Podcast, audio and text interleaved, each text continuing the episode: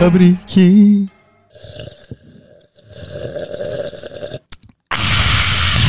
Da er du, da er du klar.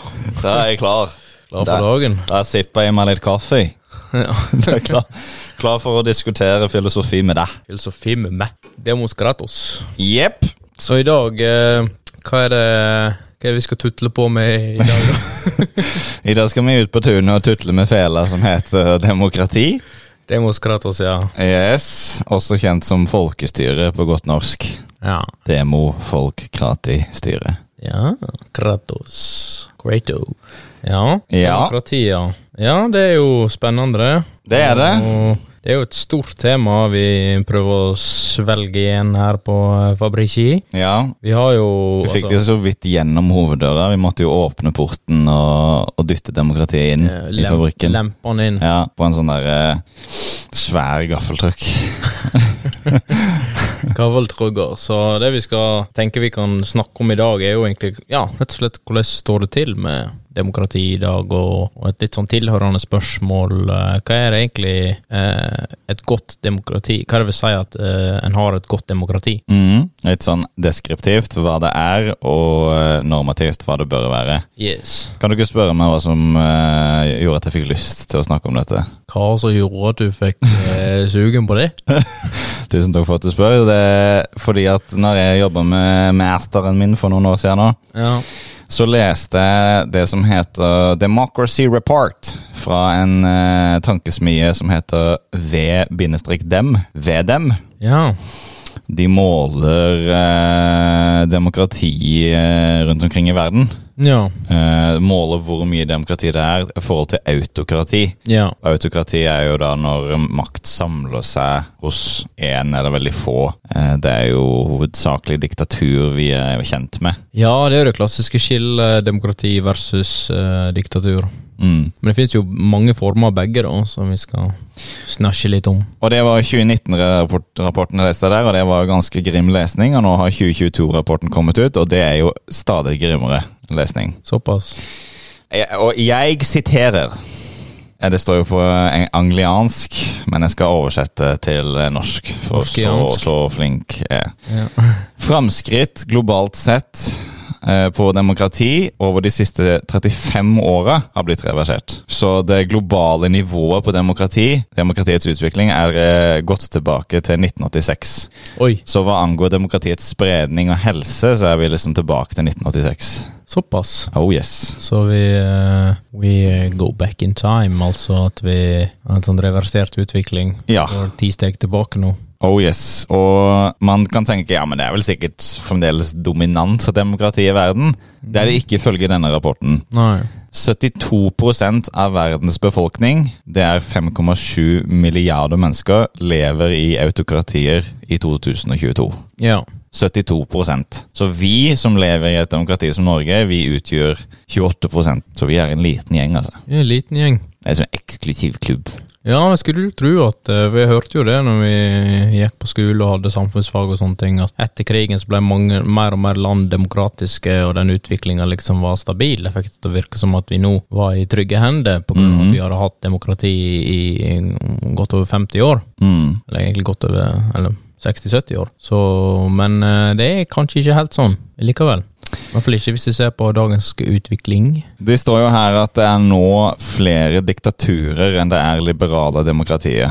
Mm. For første gang på to tiår så har verden flere autokratier enn liberale demokratier. Mm. Mer eh, makt i én sterk eh, fyrs hender, og mindre makt i folkets hender. Mm. En milliard mennesker, det er 13 av verdens befolkning, lever i liberale demokratier. Det er jo, De tar jo ikke bare og sier demokrati, de sier liberaldemokrati her. Ja, altså forskjellen der er jo at eh, I hvert fall hva- Videm, er ikke det det heter? Ja. De har jo en sånn her eh, tanke om at en sånn konsensum om at demokrati kommer i grader. da. Mm. Altså På et grunnleggende nivå så er jo det å ha valg, sant? og et, på en måte et økende nivå kan være på en måte å ha liberal demokrati, da. som har valg òg, men at det òg har en, måte, en respekt for sivile rettigheter og menneskerettigheter og sånne ting. da. Individuell frihet osv. Og antall land som har autokratisert, altså gått mot autokrati Ikke nødvendigvis fra demokrati, men i hvert fall mot autokrati Ja. og diktatur. Det er eh, 42 land, og det omfatter 43 av verdens befolkning. Det er mye, altså. Ja, det er, det er det største Det er rekord. Den største bevegelsen mot autokrati, samlede bevegelsen mot autokrati, Mm. eh, siden vi begynte å spre demokrati. Mm. Og det er hovedsakelig i eh, Asia og Afrika, som jo er enorme kontinenter. Ja, det er ganske mange land der. Mm. Men det er, eh, det er også nærme hjemme og land som vi eh, kjenner. Det står her Armenia, Hellas og Mauritius Mm. er demokratier som er i rask nedgang. Mm. Ja. Og hva er det autokrat... hva- Hvordan er det de angriper? Hva er det de angriper? De bruker sensur. Mm. Og eh, sensurerer ikke bare folks eh, generelle uttale, men også akademisk frihet går ned. Mm. Akademisk og kulturfrihet og muligheten til å diskutere hva du vil, fri tale, er også de eh, institusjonene som blir sterkt angrepet av autokratiene. da. Ja. Og For å supplere dette her, for, som en taktikk, så bruker de misinformasjon, polarisering, for å, s- for å skape eh, f- gode Misnøy. forhold. Ja. Gode forhold for autokratisering, da. Det er klart når du blir veldig eh, feilinformert, og du har en befolkning som er veldig polarisert, så kommer det en sterk mann inn ikke sant, og sier nå skal vi samle dette her, nå skal vi bli en familie igjen. Ja. Hele landet skal stå sammen. Så er jo det veldig fristende å bare legge makta i hans hender. ja. Men det er i hvert fall det, er det som har eh, motivert det her snakket da, om eh, denne her podkastepisoden om, eh, fra min del, fra min side, om eh, demokrati. For eh, jeg føler jo at vi lever jo rett og slett i en tid hvor eh, selv her i Norge så syns jeg demokratiet eh, jeg, jeg, jeg har ikke særlig stor tillit til eh, politikerne. Nei. Jeg mister tillit, og, men det som jeg kanskje syns er rarest, er at i Norge så har befolkningen generelt stor tillit til Stortinget, men Stortinget ser ut til å ha liten tillit til folket. Ja,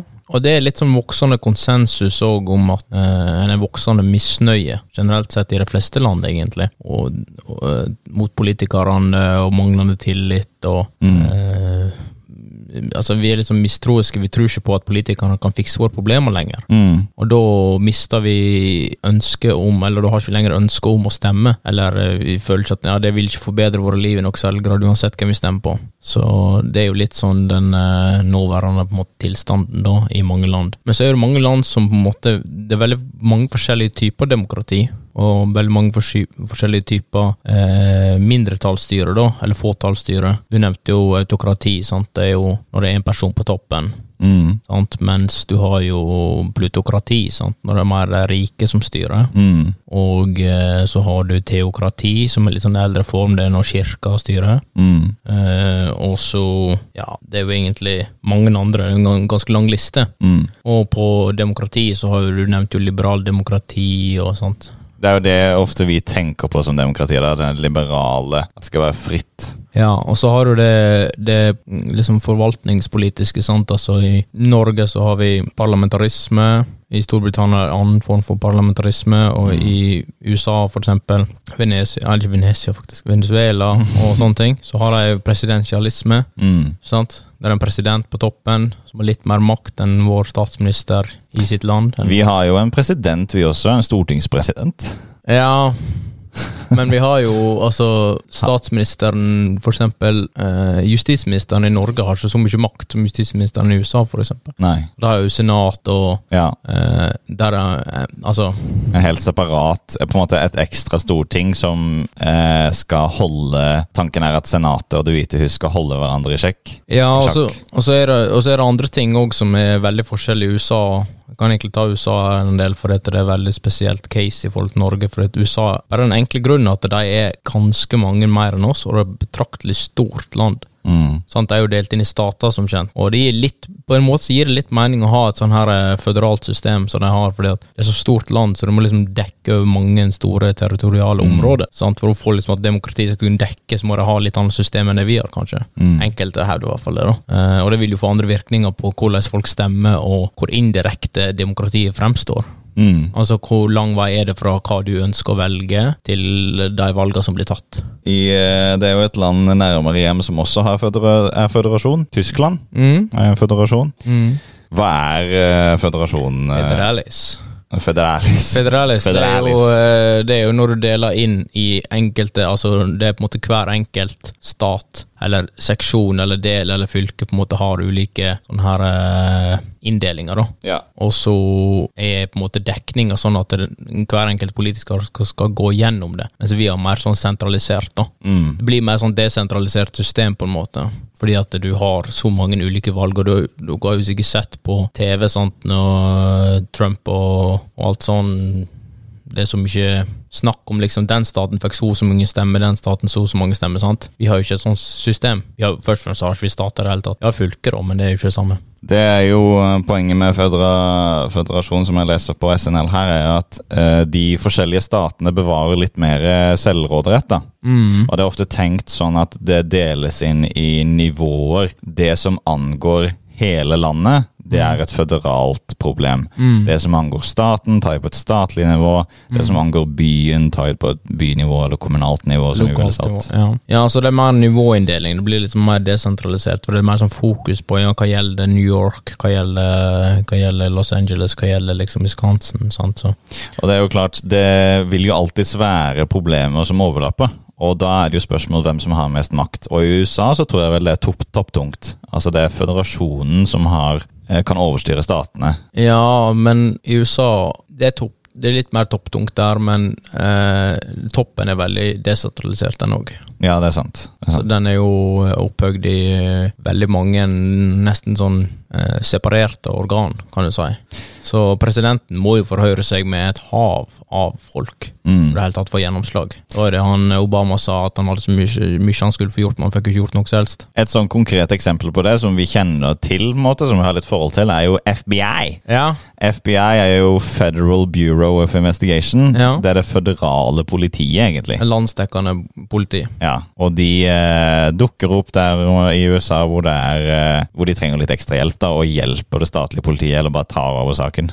Ja, og så er det òg sånn at når eh, det er liksom grenseoverskridelser, at eh, det er på en måte ulike Altså de har u- hva skal jeg si, eh, kontor og på en måte i hver stat, da. Mm, mm. Så de dekker for sin stat, den har ansvar for den staten, og den har ansvar for den staten. Så det er litt sånn Men de eh, skriver ikke parkeringsbøter. Liksom. Nei, det er ikke, ikke så langt ned på randstigen. Så det kan jo kanskje være litt topptungt, en inndeling i makt, men det er litt topptungt. Sveits er et annet interessant eksempel. Ja. For der er det mer sånn, De har gått for en mer direkte demokratimodell. Ja. Hvor eh, for eksempel eh, så er det ingen eh, Jeg tror ikke det er noen nasjonale skattesatser i Sveits. Når du flytter til Sveits, så går du til banken og så forhandler du fram de satsene du eh, selv vil ja, det er løsere skattemyndigheter, og det er løsere Det er veldig få lover som gjelder for eh, beskatning og sånn. mm. Så det er jo sånn skatteparadis som kjent. eh. Det er jo det. Og det er jo derfor eh, det blir skatteparadis. For det er hvis du flytter dit og du har en milliard på konti, så er det klart at banken vil jo veldig gjerne ha tilgang til den milliarden, så da tilbyr de deg null- 0 skatt, eller tilnærma 0 Ja, eller at bedrifter bare flytter postkoden sin der, slipper å betale skatt. mm. Det er mange som gjør det. Så enkelt så er det det. Men det er ikke en føderasjon, det er en forbundsrepublikk. Ja. Sveits. ja. Det er et veldig spesielt land. De har mer sånn direkte demokrati. De, eh, vi har jo det som kalles indirekte demokrati. Mm. Som betyr at vi eh, velger representanter som skal snakke vår sak i Stortinget. ja. Mens eh, i Sveits så har de langt flere folkeavstemninger. Hvor Ja. folk eh, involverer seg direkte i de avstemningene på konkrete saker. Det har jo vi veldig lite her. Ja, minus med det at det er et mer saktegående system, da, for det blir veldig mange valg. Men bonusen med det er at det blir mer nærhet mellom valg, og det blir mer mulighet for faktisk folk å være med på ulike beslutningsprosesser og direkte. Mm. Og, men det må skje på st- mer lokalt nivå, f.eks. bynivå. da. Sant? Hvis vi kunne tenke oss at vi hadde det her i Kristiansand, altså det hadde jo vært mulig. Mm. Mange har jo argumentert for at vi bør begynne å gå tilbake litt til den gamle tralten som de egentlig hadde opprinnelig i Aten. Mm. Sant? Eh, For da var det bystater, sant? mens i dag er jo det i all hovedsak, som du sa, indirekte, og ikke bare eh, sentrert rundt en bystat, men sentrert rundt en nasjonalstat eller et land. sant? Mm. Og det skal jo sies at Aten er, jo- var jo Det Aten vi snakker om, det Mm. er på størrelse med Kristiansand ca. Men ikke så urbanisert, naturligvis. Ja. men en relativt ven- velfungerende by som også har slaver. Ja. Fun fact med valg og sånn i, i eh, antikkens Aten. Det var veldig ofte, eh, som regel alltid, en slave som ble tvunget til å være finansminister. ja. For det finansministeren, eh, det- eller det som tilsvar eh, finansminister i antikkens Aten, måtte jo alltid ta valg og velge bort noen ting. Og Ja. da fikk han jo alltid folk på nakken. Ja, nettopp. ja, Så du får liksom slippe den byrden, så, så, så henter du en slav til å gjøre det. Mens det har jo snudd helt på huet nå, det synet der på den posten. For det, nå er jo finansministerposten ansett som den nest mektigste etter statsministerposten. Ja, altså det er mye som har endra seg siden den tid, og med demokratiet, som du sier, med slaveri og sånn, så var jo det en begrensa, en ganske begrensa del av befolkningen på den tida som eh, kunne stemme. Det var egentlig hovedsakelig frie menn Mm. med eiendom, da. Mm. Med eiendom som de kunne ekspropriere. Og eh, i dag har vi liksom motsatt syn, at vi prøver å få så mange som mulig med. Mm. Men fortsatt så er jo det Altså for eksempel ta i Norge, da. Har ikke du norsk statsborgerskap, kan du ikke stemme, du må være en viss alder, sant, Mm. så videre. Og det hjelper å kunne snakke språket, sant. Kan- La oss si altså du forstår ikke politikken fordi du forstår ikke språket, så det er mye sånn begrensninger, da. Mm. Og de som på en måte ikke er funksjonsdyktige, kan ikke stemme. Altså det er mye sånn folk som fortsatt ikke kan stemme. Det kommer veldig godt fram eh, når man eh, graver litt i sånne filosofiske tekster om demokrati, at utdanning er en vesentlig del for demokrati som styreform. Mm. Jo mer utdannet befolkningen er, og jo eh, mer kapable de er til å delta i politiske diskusjoner, jo sterkere og sunnere vil demokratiet bli i teorien. Ja, en velinformert velgerskare Mm. eh, trenger et demokrati, men det er veldig vanskelig å oppnå det. Det er det. Eller du kan oppnå det, men det er veldig vanskelig å å vedlikeholde det over tid. Så for å vedlikeholde det, så er du nødt til eh, ikke bare å utdanne, men å opplyse. Så Rousseau han så jo også på den uh, utfordringa der. Vanskelig å ha en eh, velinformert eh, velgerskare. Og han gikk jo for et kompromiss som ligner veldig på det vi har i dag, med representativt demokrati, men han kalte det ikke det. Han kalte det rett og slett bare aristokrati. Mm. Altså at det er aristokratene, de velutdannede, som skal styre, for de har peiling. Ja, og han ville jo òg ha litt mer sånn her eh, Ja, det var jo den, han var jo grunnlegger av den her eh, sosial eh, kontraktteorien, sant. Mm. Så han mente jo at demokrati skulle være mer sånn direkte. Folk måtte, måtte delta aktivt i disse beslutningsprosessene. Mm. Og det er jo flere som mener at vi bør gå tilbake til det. Nå jeg leste jo den her eh, How to think eh, Nei, hvordan tenke langsiktig. Mm. Jeg husker ikke navnet på han fyren, men eh, han mente jo òg det at vi bør eh, gå tilbake til litt mer sånn direkte demokrati. Mm. Så- Eller mer sånn eh, desentralisert, da.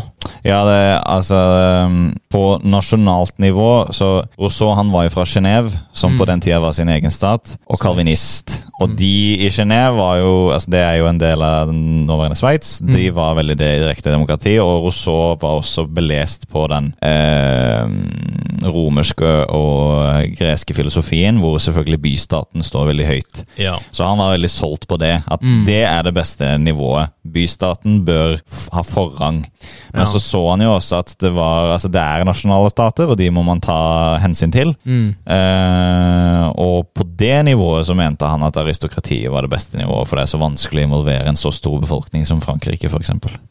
Ja, altså desentralisering i denne betydningen betyr jo på en måte at du har jo fortsatt et ø- øverste nasjonalt eh, styringsmyndigheter, da. Mm. Som legger visse eh, lovmessige føringer, etter, da. men altså enkelte byer bør bestemme litt sjøl, for det liksom varierer litt. sant? Kristiansand er ulik fra Oslo, for eksempel. Sant? Så de kristiansanderne vet best hva de, hva de trenger, og det Mm. vet ikke folk eh, som sitter på toppen. Som, altså litt mer sånn nærhet, da Mm. til materien, nærhet til liksom prosessene og, og, og, og hva som foregår på en måte mer internt i en by. da. Så det er litt sånn figure it out yourself, but someone's in the lead on top still. Når jeg diskuterte det her med min eh, masterveileder Løkke, som jo også var din veileder i master, tror jeg. Stemmer det?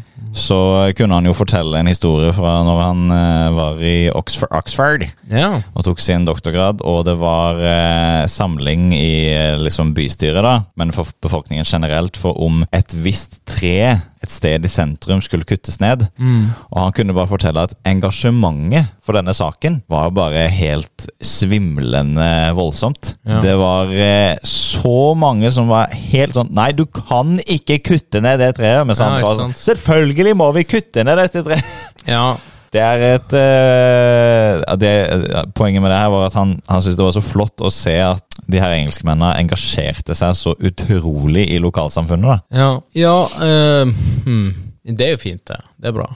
Men det er òg litt minus med det, tenker jeg. Det er liksom pros and cons. Den pro- proen er jo det at de faktisk er engasjert enn andre. Og at eh, altså, det blir vanskelig å få gjort noe når alle skal henge seg opp i bare et, at et tre skal bli kutta ned. sant? Akkurat. Sånn, hver enkelt den lille mik Det blir sånn mikrostyring. Ja.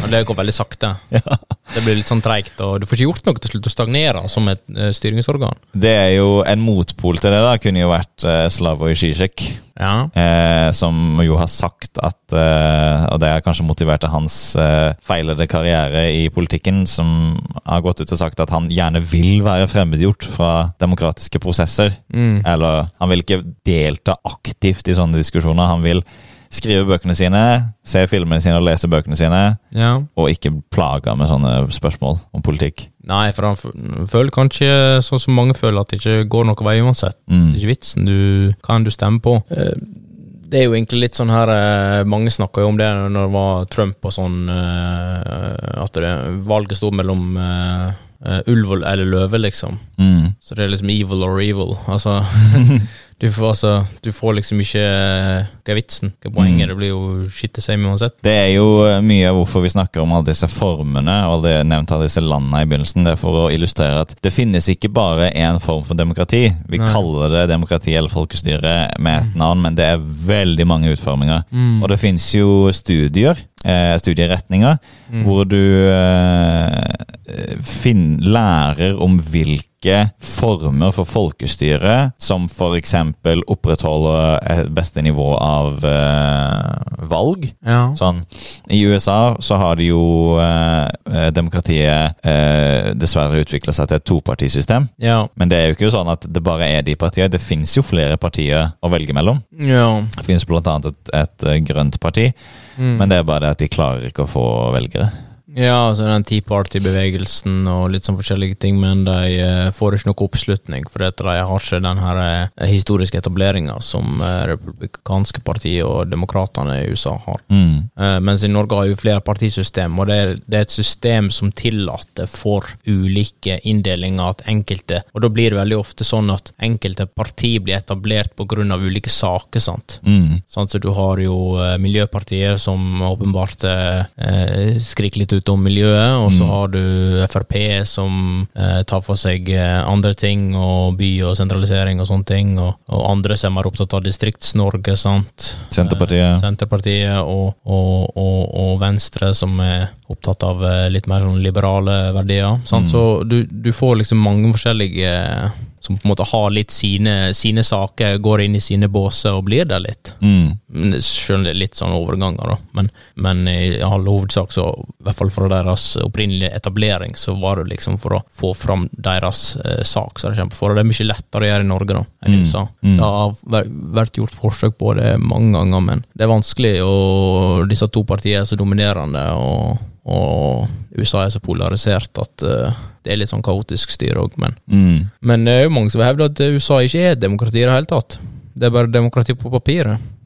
Ja, det er jo noen som sier det. At de, og det er også eh, noen økonomiske rapporter som har kommet ut nå som sier at folk som bor i USA, de bor i et u-land. Ja. Og det er hovedsakelig fordi at de har, eh, befolkningen generelt har egentlig ikke realistisk tilgang på helsetjeneste. Nei.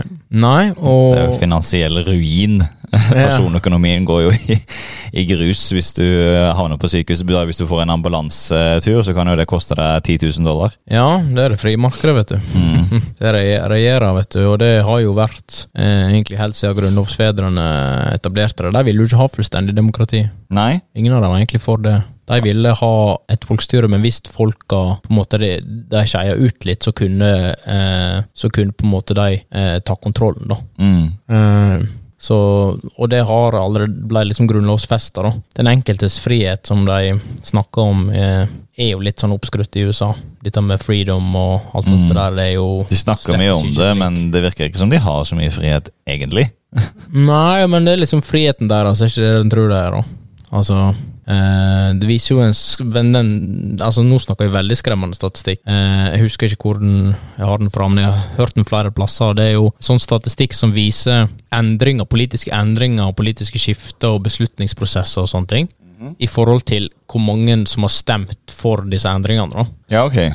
Og det viser seg at uavhengig, altså endringer altså det er nesten uavhengig av hva folk ønsker, så vil ikke det, det vil ikke skje noe uavhengig av fo- hva folk ønsker. Ok, Så det er ikke den demokratiske vinden som styrer Nei, avgjørelsene? nei, mens um, når det er rike og lobbyisme og sånne ting vil få gjennom vedtak og så, sånne ting, så, så skjer det ting. Ha. Da skjer det ting, da har du mye større sjanse for at det skjer noe, men det er veldig liten sjanse for at det skjer noe, uansett hvor mange i befolkningen som stemmer for det. Dæsken. Så det, det vil ikke jeg kalle demokrati, akkurat.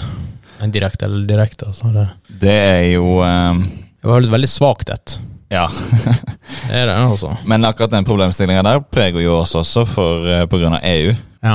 EU er jo en eh, interessant ting. Hvor står du i forhold til EU? Hva tenker du om E EU? Nei, jeg tenker at det er litt eh, det er et byråkratisk mareritt, egentlig, men eh, poenget er jo det at hvert land er så forskjellig i dag Mm. eh, at vi må nesten ta våre egne tak, altså våre egne beslutninger. Mm. Sånn som brexit og sånne ting. altså Det har jo litt med en veldig l- veldig sånn lite altså Snakk om demokrati, det er veldig sånn lite vilje til å høre på folket, som du sa i stad. Mm. Over lang tid skaper så mye misnøye at folk ikke eh, orker lenger. Selv om det egentlig har visse fordeler kan tilby dem, så er det mer ulemper i framtida på lang sikt. Så nei, jeg tenker at sånn som i Norge, altså vi har jo ikke vært med, vi har jo det EØS-greiene, men det er mer sånn økonomisk samarbeidsavtale, eh, og det går litt på andre ting. For at vi er jo nødt til å samarbeide med andre land og, og, og på en måte i- i- ha import og eksport og sånne ting. Og vi har jo eh, EU-godkjenning for eksempel på bilene og sånne ting, Mm. som er på en måte europeisk standard. da. Det er jo det. Og vi har de fire frihetene. Ja. Fri flyt av folk, varer og to ting til. Ikke husker akkurat nå. Slaver. Ja. Jeg er jo litt for et EU, men ikke dette EU. Nei. Jeg tror at eh, EU trenger å bli demokratisert. Ja. Eh, For akkurat nå så er det jo en eh, ting som er styrt av lobbyvirksomhet og byråkrati, som du sier. ja, og egentlig anarkisme. Ja. Han, eh, en s- økonom som jeg liker, Janis Varoufakis, som var finansminister i Hellas under den greske våren i 2015, Mm. sa kategoriserte EU som en samling folk som er ekstremt dyktige, som Ja. allikevel undergraver seg selv. Ja, ikke sant? For dette, er, altså, det blir liksom et sånn her eh, handlingslammende byråkrati sant? som ikke kan ha liksom, demokrati, for dette går aldri sagt noe i seg sjøl. Han kunne jo fortelle det og dokumenterte det senere med opptak han gjorde. Det er ikke så lenge siden, faktisk, så han slapp det i 2018 eller noe sånt. Mm. Eh, når han snakket med daværende finansminister i, i Tyskland, Wolfgang Schäuble, som jo selvfølgelig har hovedmakta når det kom til å finansiere den greske gjelda, hvordan de skulle eh, løse det, Ja. så sa han eh, den her avtalen som man har forhandla fram med det internasjonale monetære eh, fondet, IMF, Mm. og EU og europeiske sentralbanken, den kommer aldri til å virke, sier Varoufakis. Så svarer Schäuble Varoufakis, selvfølgelig kommer den ikke til å virke, men vi har sunket så mye krefter og energi ned i denne avtalen at nå må vi pushe den gjennom. ja.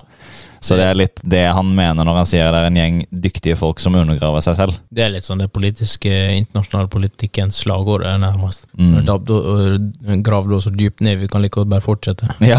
Grav litt til.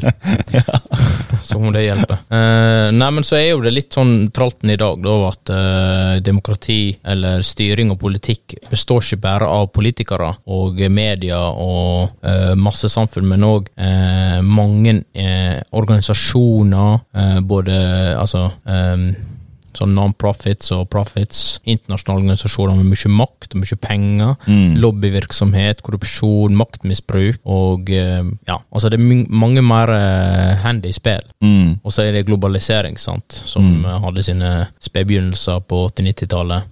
Og etter Berlinmurens fall, egentlig. Så det fikk jo det til at vi måtte på en måte forholde oss til andre land mye raskere fordi at, på grunn av det økonomiske Mm. virkningen. Og vi har valgt litt sånn det økonomiske virkningen framfor mye annet. Og mange har jo tenkt at ja, men en, enn så lenge det ikke gagner meg økonomisk, så er ikke vitsen å stemme, eller vitsen å ta del i det politiske. Mm. Og da blir det litt farlig, for da lar du ting skje. Ja, Og da skjer det litt sånn s- usynlig og litt sånn sakte, men det skjer. Sant? det gjør det. Autokrati og sånn som du sier. Sånn at du får eh, folk som Trump kommer til makta. Ja. Sånn så for eksempel han eh, gode gamle Karl Marx. Han kritiserte på en måte det borgerlige eh, demokratiet. da. Han mente det var på en måte eh, dominert av sånne her kapitalinteresser. da. Og det var på en måte en slags sånn her eh, skjult undertrykkelse. ja. Og han argumenterte for at vi må jo ha en radikal endring i samfunnet gjennom ja, det han som kjent eh, hadde den arbeiderklasserevolusjonen. da. Mm. Eh, noe som skulle oppnå det han kalte da, det sanne demokratiet. sant? Ja. Det vi har nå er slags sånn falskhet. Det ser, ut- det ser litt ut som det er på papiret, men det er litt sånn som i USA. sant? Er det egentlig demokrati, liksom? sant? Statistikken sier noe annet. Igjen han her, eh, professor i økonomi Varoufakis, han omtaler dagens form for styre som teknologiføydalisme. Ja, Hvor det er eh, eh, egentlig de som sitter på mye teknologi og kapital, selvfølgelig, som har makta. Tenk på Google.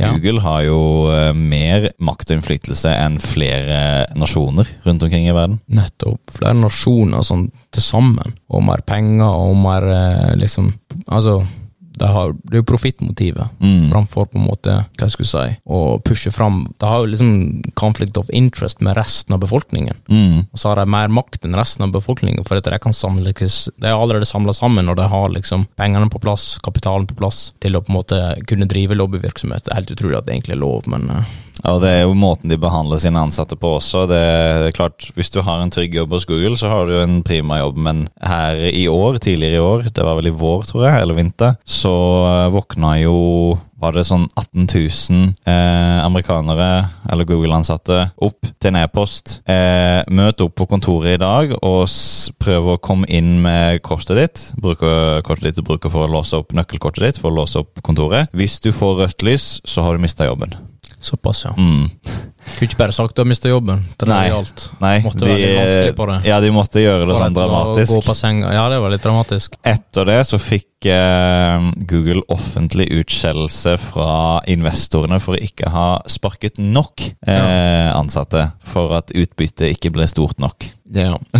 Og selv om de får kjefta altså Det er så stor, voldsom organisasjon som har blitt så viktig, sånn livsnære for eh, det glo glo- globale forholda, sant? Mm. globaliserte forholda på internasjonalt nivå, så eh, har det blitt sånn at vi kan kjefte på dem litt her og der, men det får allikevel ingen konsekvenser egentlig på lang sikt. Den, den beslutningen som har blitt tatt der, og måten det utføres på, viser jo at i hvert fall innad så er jo ikke Google et demokrati. Nei. Det er ikke de på bånden som styrer det. Så det er jo flere Det har blitt sånn voksende konsensus blant eh, akademikere, tverrfaglige akademikere som jobber og studerer eh, demokratiet, og ser på det fra ulike syn. Og mange har jo tenkt at demokrati på mange måter ikke bare er en styringsform, men er en livsform. Mm, mm. Det tenker jeg er jo helt forskrudd, altså. Det er jo ikke, det er jo ikke knapt en styringsform i dag. Ja. Livsform? Eh, Se på Google, se på hvor er det livsform? Når, er- når, er- når i livet ditt er det du har en demokratisk eh, eh, demokratisk prosess for å få gjennom beslutninger? ja. Det er hvor du har du- og Tenk på alle som jobber på en arbeidsplass, det er ikke mye eh, demo, demostratos der. Nei. Det er mer diktaturos. Så- Det er jo en interessant fordeling av eh, på en måte produktet, da, for det er jo det arbeidet handler om. Det handler om å skape et produkt. mm. Men som arbeidstaker så er man jo ikke involvert i det produktet annet enn at man produserer det. Mm. Men produktet eies jo av selskapet Mm. og investorene, Mm. og så får du en lønn som Mm. kompensasjon. Og den lønna, den, den er jo liksom Det er litt sånn trygghet i den lønna. Det føles i hvert fall trygt, Mm. men det er jo klart at eh, produktet er jo mye større verdi i det. I utbytte. Ja, men det er litt sånn eh, den gode gamle Altså, det er jo min sånn spil som jeg eh, har oppi hodet mitt hele tida, det er dette med eierskap. og kontroll. Glockenspiel! Bellamy. Eh, det, Sitter på tunet! det er liksom dette med kontroll og eierskap. Jeg Ja. sitter og tenker på det hele tiden, jeg får det aldri ut av hodet. Jeg vet ikke hvorfor, men altså, jeg tenker jo sånn Du nevnte dette med det, ja, det føles jo litt trygt ut, Eh, men det er jo hele poenget. Mm, mm. Hvis det var, altså, poenget er jo eh, let you feel safe, so we can keep you there. Ja. Altså, Det skumler. Så det er litt sånn uh, Best måten å holde noen i fengsel er å la dem tro at de ikke er i fengsel. Oh yes.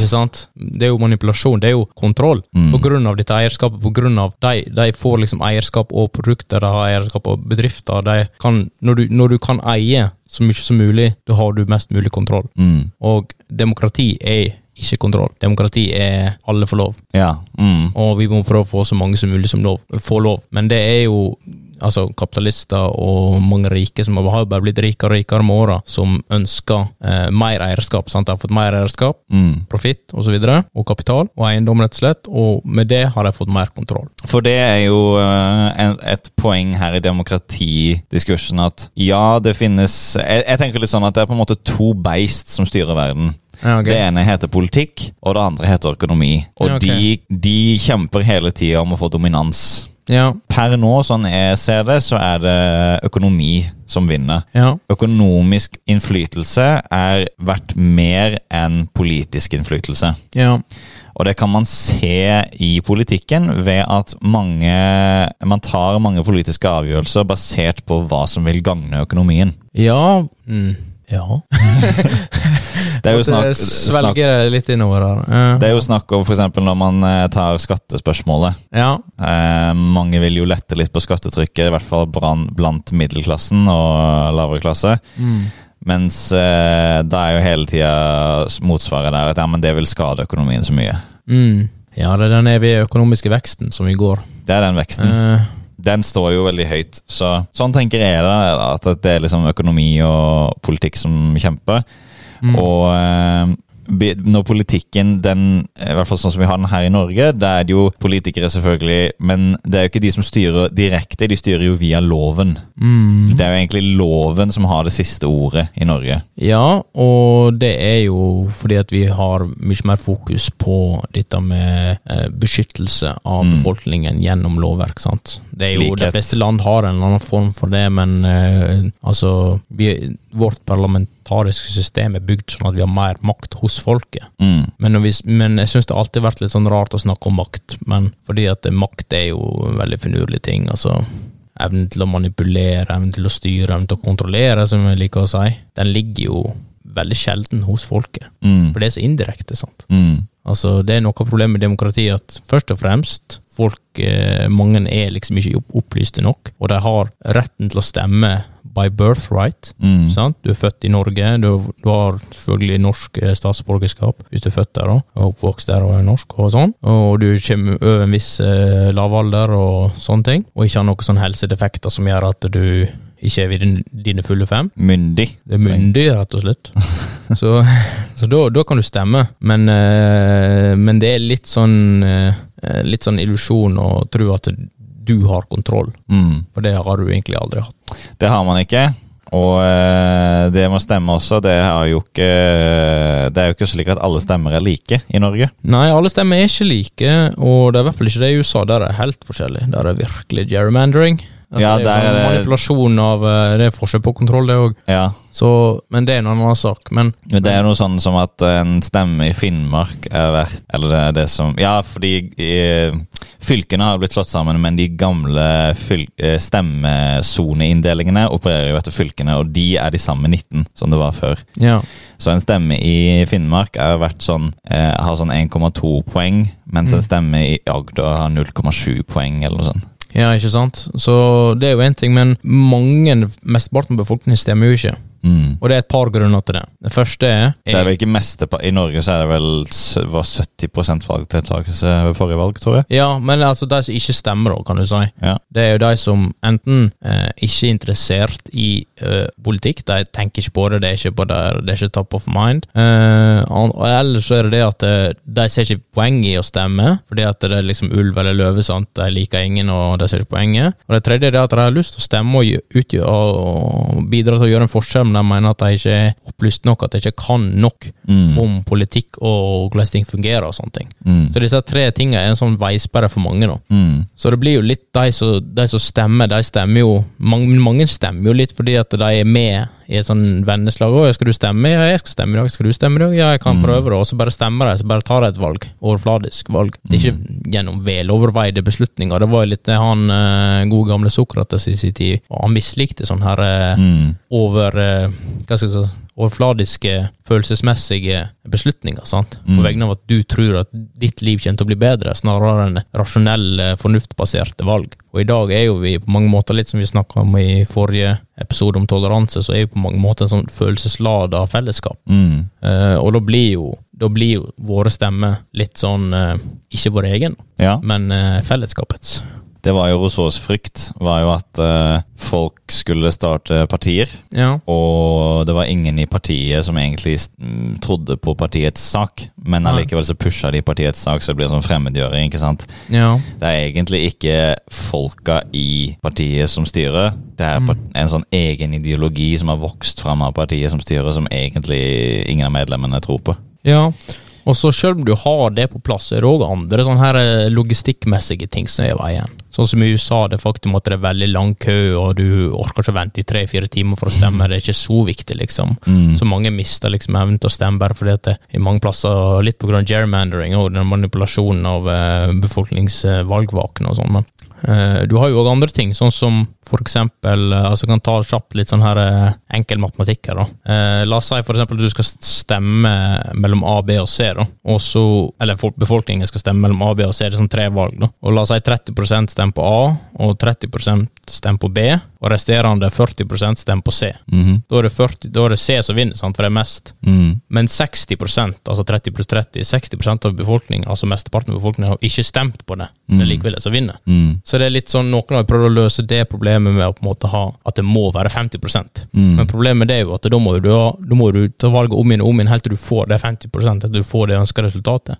Og da Så det blir jo fremmer du veldig ofte kunstig. et topartisystem. Ja. to dominerende partier Ja, som nettopp. vil være realistiske konkurrenter for de 50 Det er litt sånn eh, system de har i Hellas. De har hatt valg i år, Hellas nasjonalt valg. Og der eh, er det jo sånn at hvis et parti kan ved et gjenvalg om en måned muligens få eh, 50 av stemmene, så tar de et gjenvalg. ja. Det er jo sabla eh, Får bare en ny prøve på nytt igjen, liksom. Ja, da skal jeg love at det er ikke noe forhåndsstemming der som du kan gjøre hjemme i sofaen på nettet. Der må du møte opp. Du må ikke bare møte opp i kommunen hvor du er registrert, du må møte opp i fødselskommunen din. Ja. Så hvis du hadde vært født i eh, Oslo, men bodde i Trondheim, så måtte du tilbake til Oslo for å stemme. Ja, det er ingen som orker det, sant, eller har tid eller energi til det, sant, eller penger eller sånt, så, så da blir jo det et salestyr. Og i tillegg så, altså, det jeg nevnte med tre, sant, altså, men hvis du har to, så, trenger, så er ikke det problemet, oppstår ikke det problemet. Mm. Da er det bare den som har mest, så Mm. enkelt er det. Altså, det du sier, eller partall, da, to, fire, seks, åtte. Du Mer kan jo ha effektivt. flere så lenge det er partall, men, eh, men det blir veldig mye rot når du har flere. Det blir så mange du kan velge mellom. Vi har jo prøvd å løse det i Norge ved at vi har eh, sånn regjering, koalisjonsregjering. Ja, Ved at eh, flere partier kan gå sammen om en regjering. ja. Problemet er jo at det blir veldig komplekse regjeringssystemer, da. Mm. Som eh, mange ikke forstår seg på.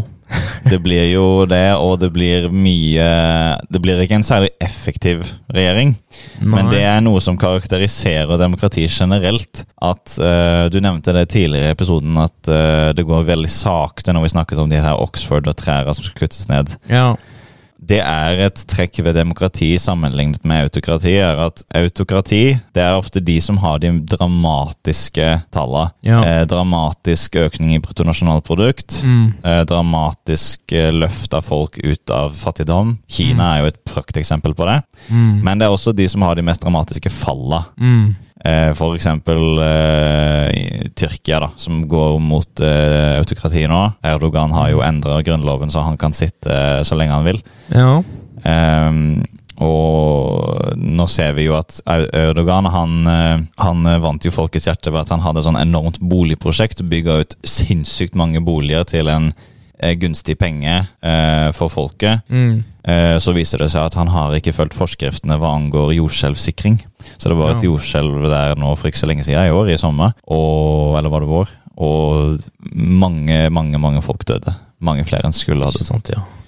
Ja, altså, det er ofte i diktaturet sånn eh, trekk vi ser at de bygger ofte sånne store, flotte, grandiøse eh, Mm. bygninger og byer og sånne ting. Mens det gagner ikke befolkningen i nok særlig grad, for det er jo mange byer som står tomme, blant annet i Kina og sånne ting. Mm, mm. Tusenvis og tusenvis av boligblokker som er helt tomme omtrent, for dette det er ikke eh, det er meninga at folk skal bo der, men det er jo ingen som ønsker å bo der. De bor der de allerede bor, sant. Mm. Og det er litt sånn eh, Men det er jo mye mer effektivt, da. Det er mye Som du mer sier, for det er jo effektivt. bare for Du sier autokrati, ikke sant, eller diktatur, eh, som er mange typer av. Altså, autokrati er jo bare én person, sånn at du kan jo bare Ja, jeg vil ha denne her eh, Mm. oppslutningen, jeg vil ha denne her og Det er veldig effektivt, eh, men på sikt er det veldig ustabilt.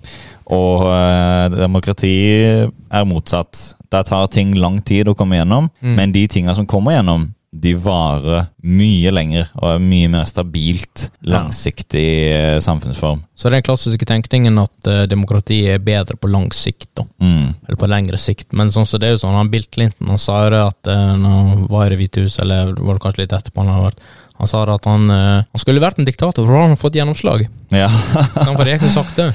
ja. Fikk jo ikke, fikk ikke gjort noe. det sa- Billeren. Billeren. Slick Willy. Slick Willy. Så det er jo eh, han eh, han der eh, Ja, Obama som eh, kjente han. Han sa jo da han kom inn, han hadde så mye- mange ideer, men han fikk jo ikke gjort noe som helst. Nei. Sant? Og han var jo som kjent, eh, eller kanskje ikke så kjent, men han var jo en ganske passiv president, syns jeg i hvert fall.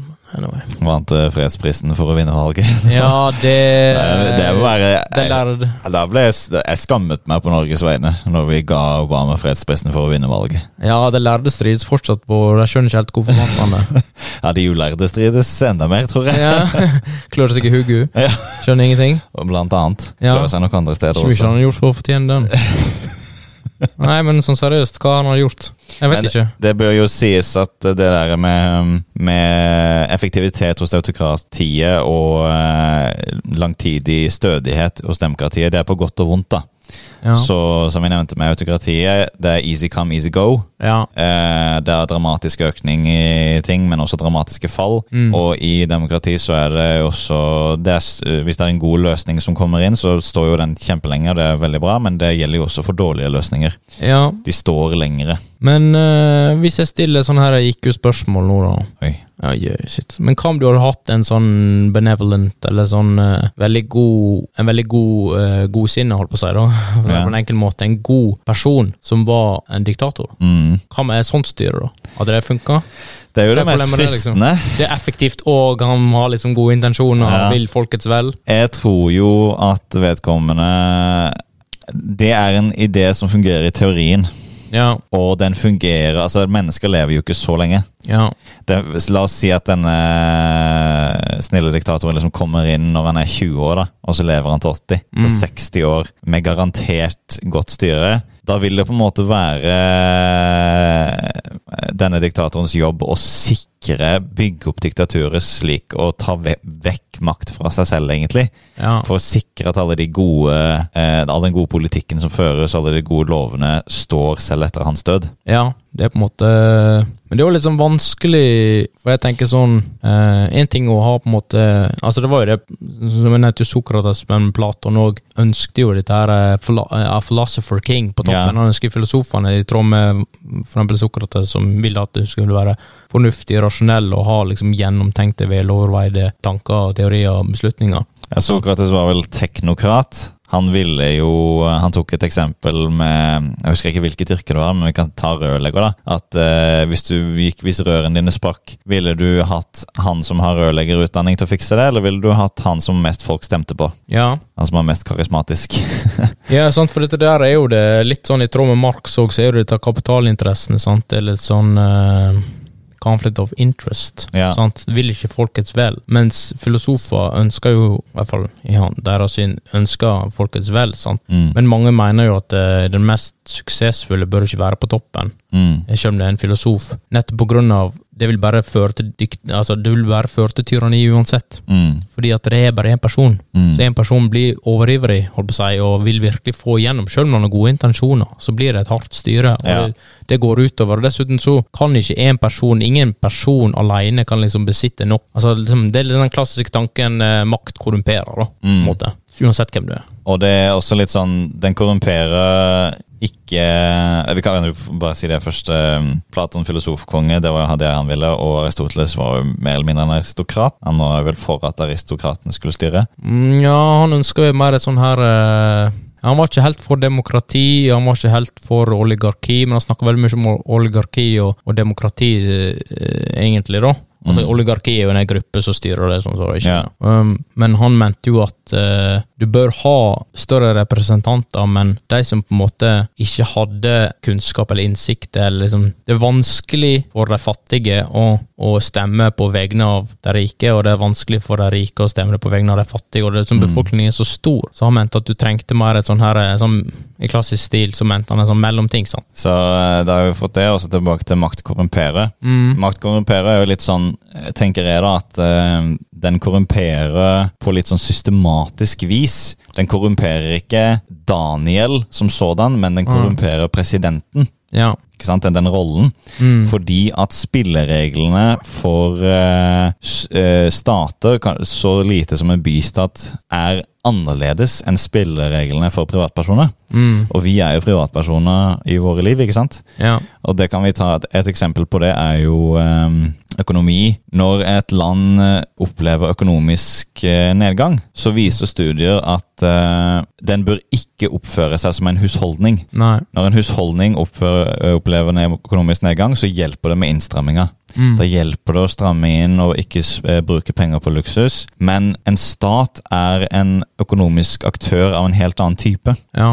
Så når eh, det, opple- når det er nedgangstider, så bør faktisk staten investere mer penger og bruke mer penger Mm. for å pumpe opp økonomien, Ja. og, eh, sånn at det sirkulerer mer, eller mer penger i omløp. Ja, altså økonomisk vekst for eksempel gir jo mening, hvis det var det du kanskje leder mot nå. Ja. Ja, det, det var bare for å illustrere et, et konkret eksempel med at eh, når det kommer til politikk og sånne ting, en statlig aktør, staten, bystaten til og med, altså kommunen, Mm. eh, s- har andre spilleregler enn privatpersoner og husholdninger. Ja. Så det er litt det med makt korrumperer at at vi har gode intensjoner, den, denne diktatoren har gode intensjoner, Mm. men den har gode intensjoner som privatperson. Så det er en sånn mismatch der. For når han eh, vedtar de lovene som diktator, så er han ikke eh, privatperson. Nei. Han er eh, diktator. Ja. Så han, han, han spiller med feil regler. Ja. Så det er litt det jeg mener med makt korrumperer. Den korrumperer ikke nødvendigvis personen,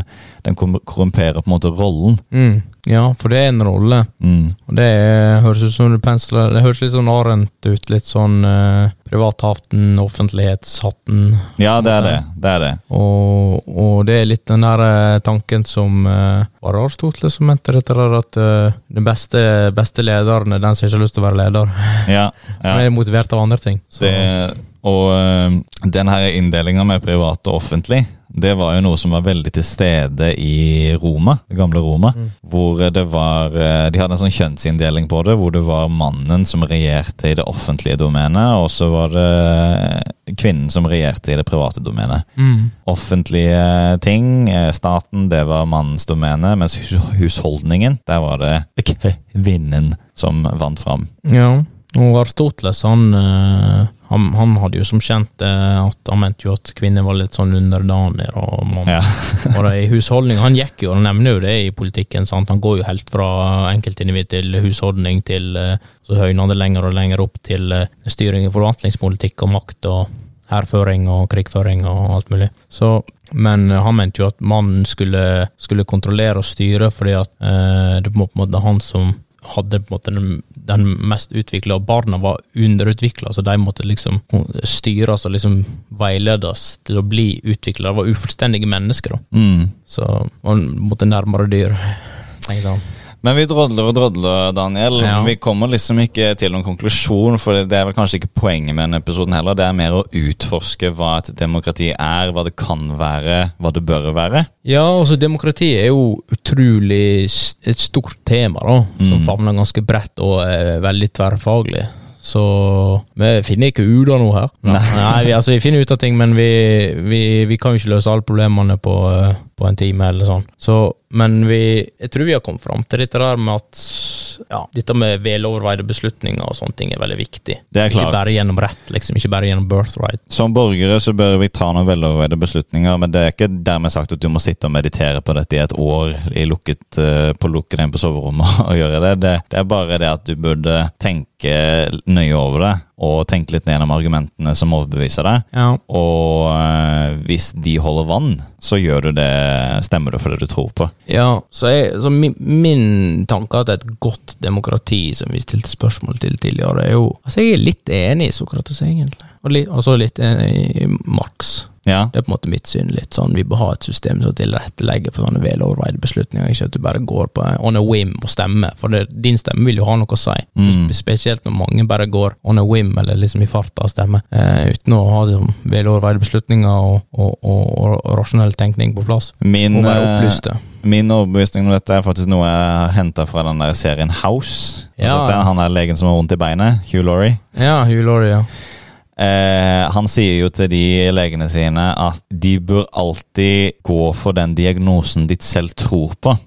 ja. Fordi hvis de ikke gir seg selv den respekten, så kommer de aldri til å lære av sine feil. Nei. Og det er eh, noe som jeg tror gjelder veldig for eh, politikken. For jeg ser veldig mange som de tror på ett parti, og så stemmer de på et annet. Fordi Mm. de frykter at stemmen deres blir kastet bort på det partiet de egentlig tror på. Mm. Å stemme med frykt det er den, en av de beste veiene til å komme til et autokrati. Ja. Jeg tror det at Hvis du tror på noe, hvis du er overbevist om noe, bare gjør det. Mm. Effekten av det det kan vi spekulere i senere. Men vær tro mot deg selv og dine egne overbevisninger, og stem på det du mener er rett. Ja, det er litt sånn, eh, men det er jo litt som vi er i dag, sant. Vi er polarisert, vi drives av den pisken. Mm. Mer enn gulrota. Eh, Det eneste som skjer med gulrota, er jo det som Sokrates frykta, og, og, og, og liksom ehm, Platon òg, dette der med demagogs, eller demagoger, eller hva du sier på norsk. Sånn som Trump, for eksempel. Mm. Ikke sant? Det var det de frykta, og det kan fint skje flere ganger. Det skjedde jo det var nesten med Marie Le Pen i,